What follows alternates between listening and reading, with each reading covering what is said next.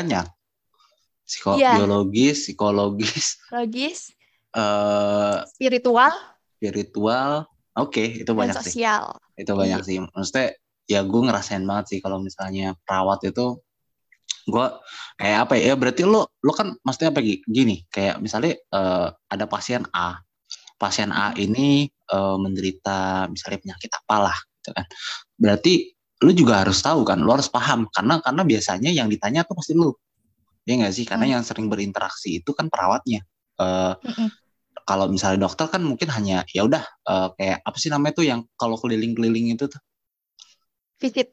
Nah, vi- paling paling dokter ketika visit itu kan. Tapi tapi kan 80% kalau di di rumah sakit itu eh, perawat kan. Yap. Nah, gue gue pengen pengen tahu deh sebutan perawat.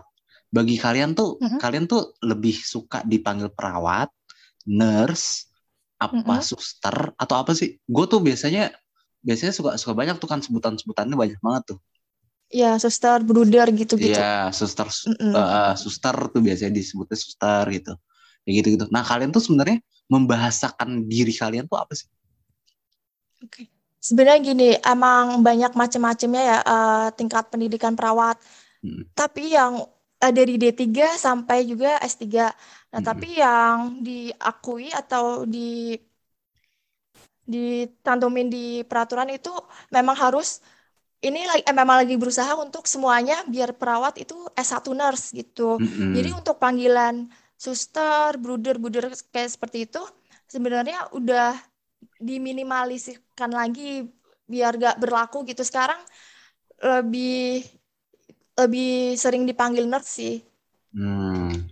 Oke, berarti berarti ya buat teman-teman tolong ya dibiasakan manggil manggil perawat kayak gitu atau kalian masih sering manggil suster apa segala macam, panggilnya nurse. Ya. Iya. Manggilnya nurse. Ya, ya gua soalnya gua nggak tahu, gua masih manggilnya sih eh, Mbak. Mbak. masih manggilnya Mbak. Gitu kadang-kadang kadang eh, gua manggilnya kayak gitu. Soalnya soalnya gua juga kadang ada gua gua baru-baru kemarin tuh, kepikiran tuh baru kemarin sebenarnya. Kayak iya panggilan untuk perawat itu banyak gitu. Eh, kan- Iya. sekarang juga kan dipanggilnya dipanggilnya seringnya tuh dipanggilnya nurse gitu. Nurse ya, Kayak ingat gitu. ya ada panggilannya ya. Jangan lu panggil asal besti, ya. Ya, jangan. Jadi sok sok jangan. deket gitu. Mentang-mentang lu dengerin podcast ini lu manggilnya bestie. Oh ya tak, kita punya panggilan buat kita besti. Mm-mm. Mesti eh, oke. Heeh. Masih lucu, udah 27 Ih, episode. lucu ya emang uh, manggilnya bestie padahal padahal juga di Twitter kita juga nggak ada tuh yang yang mengidentifikasi dirinya sebagai bestie nah lanjut. Ini ngomongin matkul lagi nih. Eh, di seluruh matkul yang lo sudah eh, temui atau sudah lo ambil menurut lo matkul mana sih yang paling sulit dijalani di FIK itu bukan karena dosennya ya tolong tolong Ah, tolong eh, tolong jangan menyebut nama di sini. Eh, tapi matkul mana sih yang yang yang menurut tuh paling sulit atau misalnya jadi apa ya? Jadi jadi horor deh buat setiap anak eh, FIK gitu.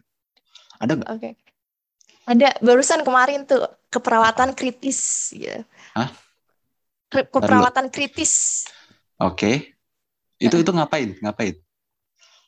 Jadi di situ kan uh, dituntut kita di ruang ICU NICU gitu harus uh, kayak 24 jam mengawasi pasien, harus sigap, harus Mm-mm. uh, mengontrol kondisi pasien dan critical thinkingnya harus jalan. Jadi untuk nyelesain masalah-masalah yang ada di situ, kita harus punya banyak uh, wawasan dan pikirannya itu harus cepat dan tepat gitu untuk menyelesaikan itu. Hmm, Oke, berarti kritis di sini benar-benar kritis eh, yang yang artinya itu ya, artinya eh, masalah penyelesaian masalah ya. Gue tuh tadi mikirnya tuh kritis itu adalah eh, perawat menghadapi pasien yang lagi kritis. Iya, uh, itu juga yang Oh itu juga. menghadapi pasien kritis dengan pikiran yang kritis juga. Oke, nah kan gue nggak tahu nih sejauh mana sejauh mana sih eh, seorang nurse ya. Nah kita mulai biasain ya, kita mulai biasain panggilannya. ya. Eh, se- seorang nurse bisa mengambil tindakan kepada eh, seorang pasien dan sampai sejauh mana, eh, maksudnya bisa mengambil tindakan tuh dalam arti eh, mengambil tindakan eh, sendiri gitu ya. Eh, Hmm. Maksudnya dan atau sampai batas mana sih uh, ketika misalnya batas ini terlewati berarti dia harus konsul dulu sama dokter kayak gitu soalnya kan sering kalau sering sering gue gue uh, beberapa kali gitu ya di GD atau GD ya yang yang standby itu nurse-nya gitu. Buk, uh, dokternya mungkin lagi lagi nanganin siapa gitu atau karena kan uh, karena dokternya cuma satu sedangkan yang lain tuh nurse gitu. Nah tanggung jawabnya nurse itu sampai mana sih? Jadi untuk intervensi atau tindakan itu hmm. ada yang dari independen, yang dari sendiri dan dependen itu bergantung dengan profesi lain. Dan yang untuk tindakan sendiri uh, itu ada di buku uh, keperawatan nursing intervention uh, buku Niknok gitu. Itu udah tercantum beberapa prosedur yang memang uh, bisa perawat lakuin sendiri. Tapi untuk beberapa tindakan yang mesti konfirmasi dulu, misal seperti uh, kalau memberikan obat kan itu wewenangnya dokter. Nah kita uh, misal saran gitu ke kita nggak boleh ngeberikan misal antibiotik gitu ke pasien langsung oh iya kamu minum antibiotik aja nah itu nggak boleh itu memang wewenangnya dokter nanti kita cuma sarankan ke dokter dok gimana kalau ini diberikan antibiotik nah kalau misal udah kayak setuju gitu hmm. nanti baru uh, perawatnya yang memberikan ke pasiennya itu obat itu. Hmm, oke okay, oke. Okay. Berarti berarti uh, ada berarti dibedain tuh ya ada tindakan yang independen dan uh, dependent ya. Iya. Oke okay, oke. Okay. Bukunya apa namanya tadi? Lucu banget. Bukunya Nick Knock. Iya, Nick Knock. oke, okay. gua gua gua takut salah sebut. Itu buku apa?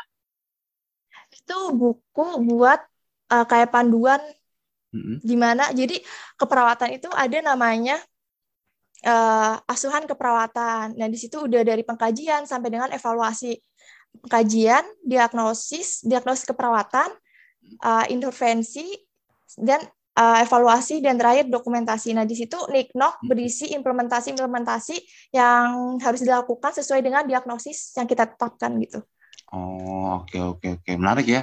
Kita itu kita kita baru dapat tuh baru tahu ada buku namanya Nikmak iya. oke oke teman-teman nah teman-teman juga ada uh, akhirnya uh, dapat pengetahuan baru lagi nih Ayo para besti maksudnya gue juga sering lupa lagi besti besti nah kalau misalnya gini uh, Areta kalau misalnya iya. uh, apa ya gue tuh tadi mau nanya nah uh, gue nanyanya adalah kan tadi lo bilang bahwa uh, tadi ngomongin tentang uh, matkul yang paling sulit dijalani. Tadi itu uh, tadi lo udah jelasin. Nah, kalau ada nggak sih matkul yang menurut lo nih, menurut lo uh, hmm. Paling unik deh, paling unik atau berkesan sama lo yang sampai sampai apa ya, sampai kayak anjir gue nggak nyangka nih gue dapet ini, gitu loh. Ya, oke. Okay. Ada satu matkul keperawatan komplementer di mana hmm. itu dipelajarin uh, ada tindakan-tindakan implementasi uh, seperti uh, obat herbal dan juga kayak yoga gitu-gitu ternyata bisa diterapkan ke asuhan keperawatan gitu untuk hmm. menyembuhkan mensejahterakan pasien gitu. Oh oke okay, oke. Okay. Nah itu itu dapetnya semester berapa? Uh, kalau nggak salah semester 7 atau 6 gitu. Hmm, oke okay. berarti berarti udah di akhir-akhir ya? Iya, betul. Nah, kalau misalnya, nah gue kan ngerasa gini, kalau misalnya perawat berarti kan dia harus punya pengetahuan misalnya tentang penyakit ya tentang penyakit yang hampir sama dengan dokter tapi lu ya. juga ditambah tanggung jawab untuk caring. Untuk untuk apa merawat seperti itu. Nah itu uh, lu itu belajarnya tuh gimana? Di satu sisi kan lu harus ngapalin nih. Lu ngapalin juga kan nama-nama penyakit apa segala macam ya, gitu. betul. nah di satu sisi lu juga harus uh, apa ada ada belajar tentang perawatan. Nah itu belajar itu gimana? Kalau di FIK? Kalau di FIK sendiri, di situ memang awal-awal kita terapin tentang dasar-dasar keperawatannya, tentang yang caring itu. Dan nanti untuk di pertengahan, kita juga belajar farmakologi, belajar uh, yang kalau di apa penyakit-penyakit kayak TBC gitu-gitu, hmm. itu ada di keperawatan medikal bedah. Nah, di situ kita belajar dari overview-nya, dari tanda gejala, uh, manifestasi klinis, sampai dengan uh, penerapan obat non farmakologi dan farmakologinya yang diterapin pada penyakit itu. Jadi memang kita belajar keseluruhan gitu. Hmm. Nah, kalau misalnya nih, kan perawat itu kadang eh, bukan kadang, tapi gue juga melihat perawat yang mendampingi ketika misalnya ada operasi atau tindakan bedah, Yap. misalnya kayak gitu-gitu. Itu itu memang lu pelajari atau ada tingkatan tersendiri kayak misalnya mungkin ya mungkin ya mungkin ada perawat yang harus ada pendidikan tertentu sehingga dia bisa menda- mendampingi ketika eh, bedah gitu. Atau misalnya memang lu udah belajar dari dari dari sejak FIK sejak S1 Nah, untuk prakteknya sendiri, untuk keperawatan medikal bedah, eh, aku sih belum profesi ke stase itu. Cuman kalau misal yang di ruang oka seperti itu, mungkin eh, yang lebih enak, lebih cocok gitu ada di eh, S2 keperawatan. Jadi dia Mm-mm. gelarnya udah MKEP eh, spesialis medikal bedah gitu. oh oh jadi jadi yang mendampingi itu bukan bukan perawat bukan perawat beda ya sama perawat yang biasanya biasanya merawat mesti di apa di ruangan kamar pasien gitu itu berarti beda ya Eh, sebenarnya aku juga kurang tahu ini maaf ya kalau salah. Apa-apa. Eh, kalau mm, kalau yang aku tahu kalau untuk profesi nurse sendiri sepertinya eh, bisa masuk situ cuman eh, belum tak terlalu paham gitu eh, apa tugasnya di situ gimana Mm-mm. karena Ya, soalnya belum ngalamin pas profesi juga. Mm-mm. Soalnya kan kalau di film tuh ya biasanya ya namanya film ya. Biasanya tugas Oh, itu iya. eh ngasih apa ngasih ngasih Ngasih pisau, mes gitu. ngasih, iya, Iya, ngasih bisa. pisau, ngelapin keringet ya kan. Eh, Nah, gue jadi Di makanya drakor- makanya ah, ah, ya di drakor drakor kayak apa di di seri-seri segala macam gitu ya. Ya sekali lagi eh, Dimas dan Adit mentoknya cuma di TikTok dan Netflix. ya, gue gue makanya gue penasaran. Oh berarti berarti memang tidak semudah. Berarti bukan itu ada tingkatan lagi atau misalnya ada ada istilahnya ada apa ya? Ada hmm, pendidikan yang beda berarti ya. Ada tingkatan Ya, yang untuk- yang ada tingkatan yang lebih gitu ya untuk untuk menjadi eh, perawat di eh, pendamping di ruang bedah namanya apa sih? namanya aku kurang tahu ya itu namanya apa cuman kayaknya sih agak harus spesialis cuman Heeh. uh, belum pak belum yakin benar gitu kalau Hmm. nurse boleh masuk situ ataupun yang Oh.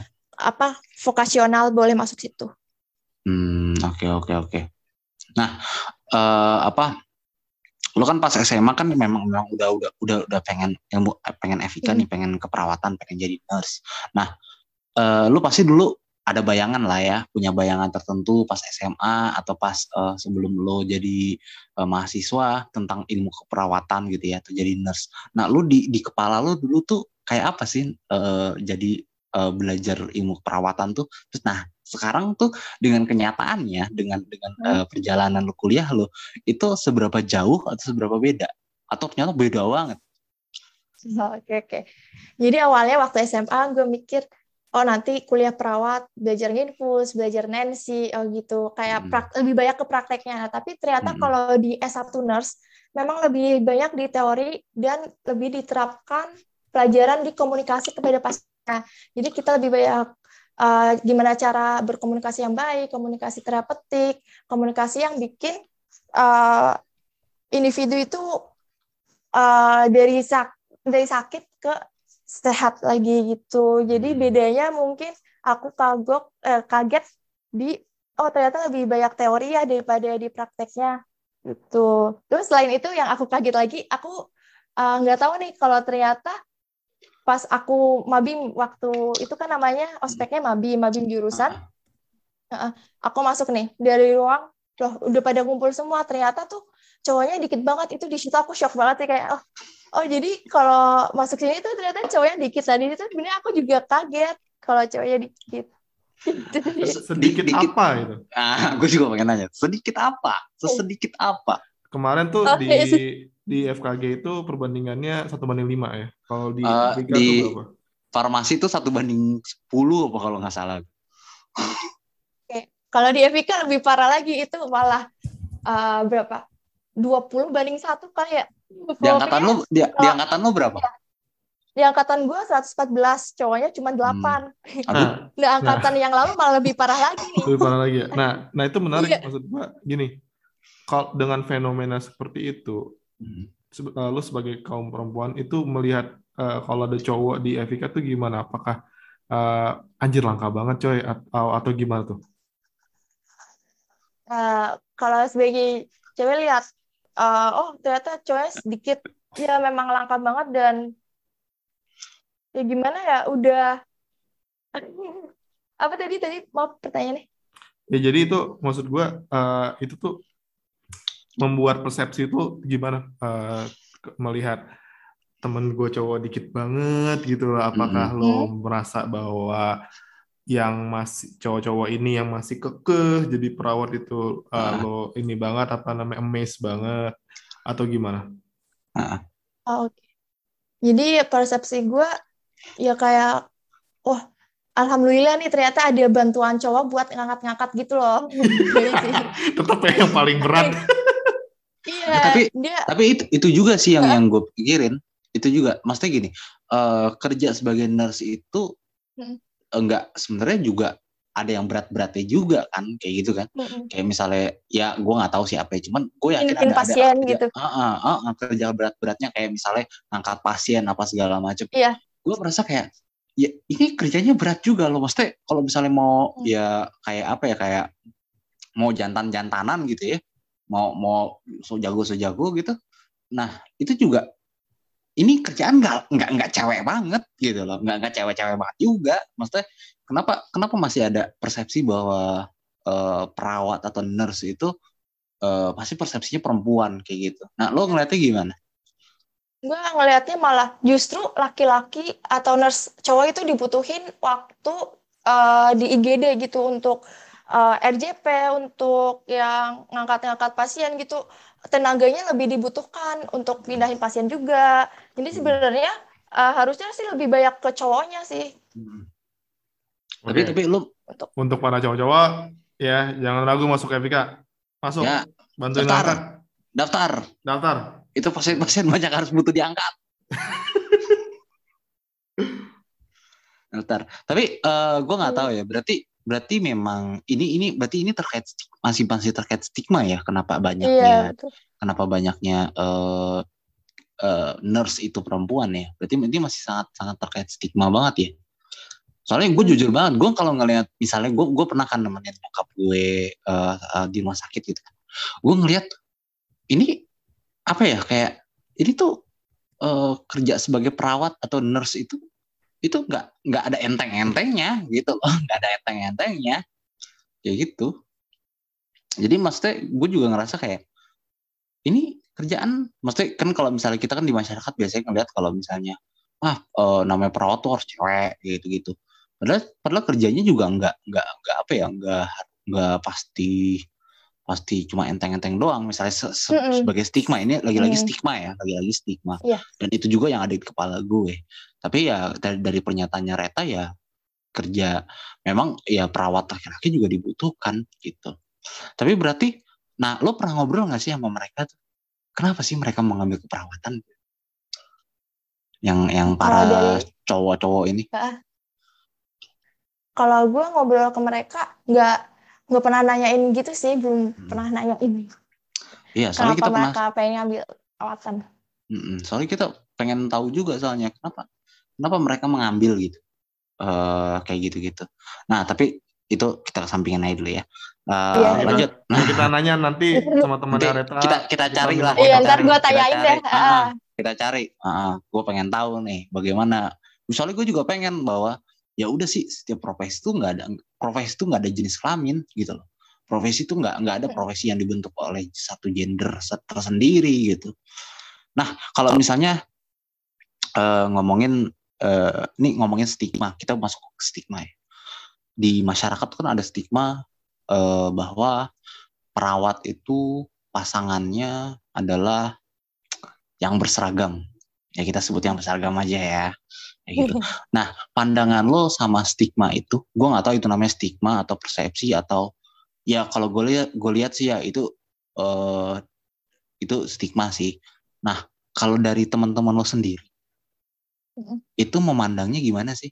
Atau misalnya, gue gue mohon maaf dan ini bisa banget lo nggak jawab ya. Lu pernah nggak Iya. sih dapat dapat apa dapat misalnya DM DM gak jelas atau misalnya tiba-tiba ada orang nge WA lu dengan cringe terus bawa-bawa seragam, bawa-bawa angkatan gitu-gitu. Pernah gak sih? Atau Oke. atau teman-teman lo gitu, teman lo pernah pernah cerita gitu, pernah gak sih? Gue pengen tahu deh. Jadi yang perawat sama apa itu abdi negara ya? Kita Ya, sebenarnya abdi tadi apa- negara, abdi negara, betul, abdi negara. Ya, itu sebenarnya gue juga kaget kak. Loh, Mm-mm. ternyata perawat pasangannya abdi negara itu bener-bener gue waktu berapa semester dua tuh gue baru tahu ternyata ada stigma itu dan kalau dari gue diri gue sendiri uh, gue nggak ngerasa gitu nggak ngerasa pasangan perawat tuh harus abdi negara atau orang-orang yang berseragam. Kalau dari gue sih gitu. Nah tapi emang beberapa teman ya emang kejadian ada pasangannya si itu abdi negara. Jadi Mm-mm. tergantung. Sebenarnya tuh uh, stigma itu jangan disamaratakan gitu. Kalau perawat itu harus abdi negara. Jadi uh, ada beberapa yang memang nggak harus abdi negara gitu bahkan menghindari abdi negara kalau ke teman-teman gue kayak gitu nggak Nah. semua perawat harus gitu Kalau kayak gitu, nah lu Nah tadi Jo, pertanyaan gue juga, lu lu lu pernah nggak sih atau teman-teman lu ada pernah nggak sih yang yang kayak dapat DM DM nggak jelas atau. WA pesan-pesan nggak jelas gitu dari dari orang-orang yang ngaku-ngaku? Ya gue bilang sih ngaku-ngaku aja ya, kayak gitu-gitu pernah nggak sih? Kalau dari gue sendiri dan lingkungan teman-teman gue yang gue sering ngobrol gitu, nggak pernah dengar cerita kayak gitu sih. Hmm, oke oke. Ya dari dari teman-teman para besti, tolong ya stop menstigma seperti itu. Yang namanya pasangan tuh nggak nggak nggak ada kepastian. Yang namanya cinta itu nggak harus si ini sama harus sama si itu. Tolong banget itu dihentikan. Ya soalnya soalnya kita kita masih suka follow itu kan teksnya dari berseragam sering banget tuh yang cringe cringe kayak gitu kan. Ih kalian norak sekali. Kayak gitu. Oke lanjut. Eh, nah ini kan sekarang kita ngomongin pandemi ini. Lo kan berarti melewati pandemi itu semester berapa? 6 ya? Semester Apa semester empat, 5? lima, lima. Itu perubahannya gimana? tuh? Oke.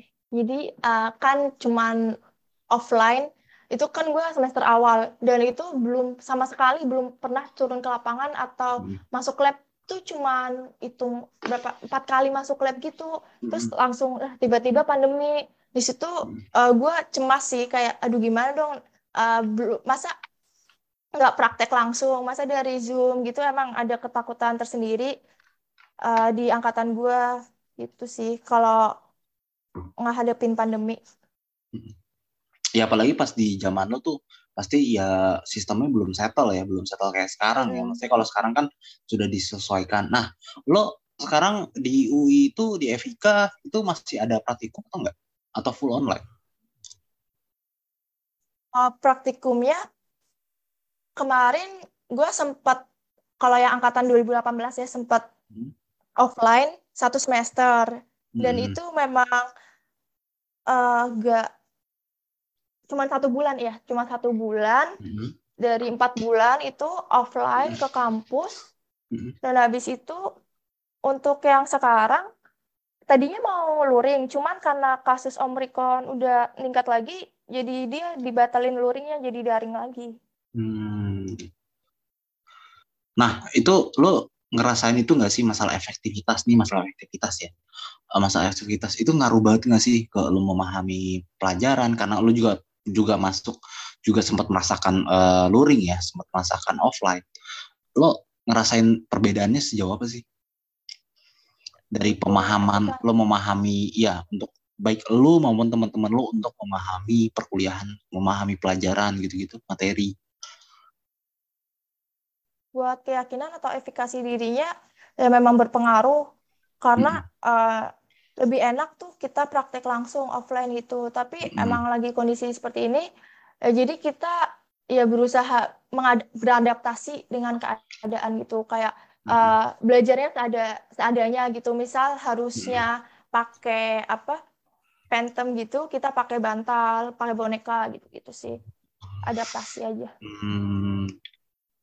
Berarti berarti ada dong lo gue gue gue jadi inget jadi inget konten TikTok lagi yang yang dia make make apa ya belajar komunikasi kan ada ya uh, tentang etika kalau nggak salah tuh.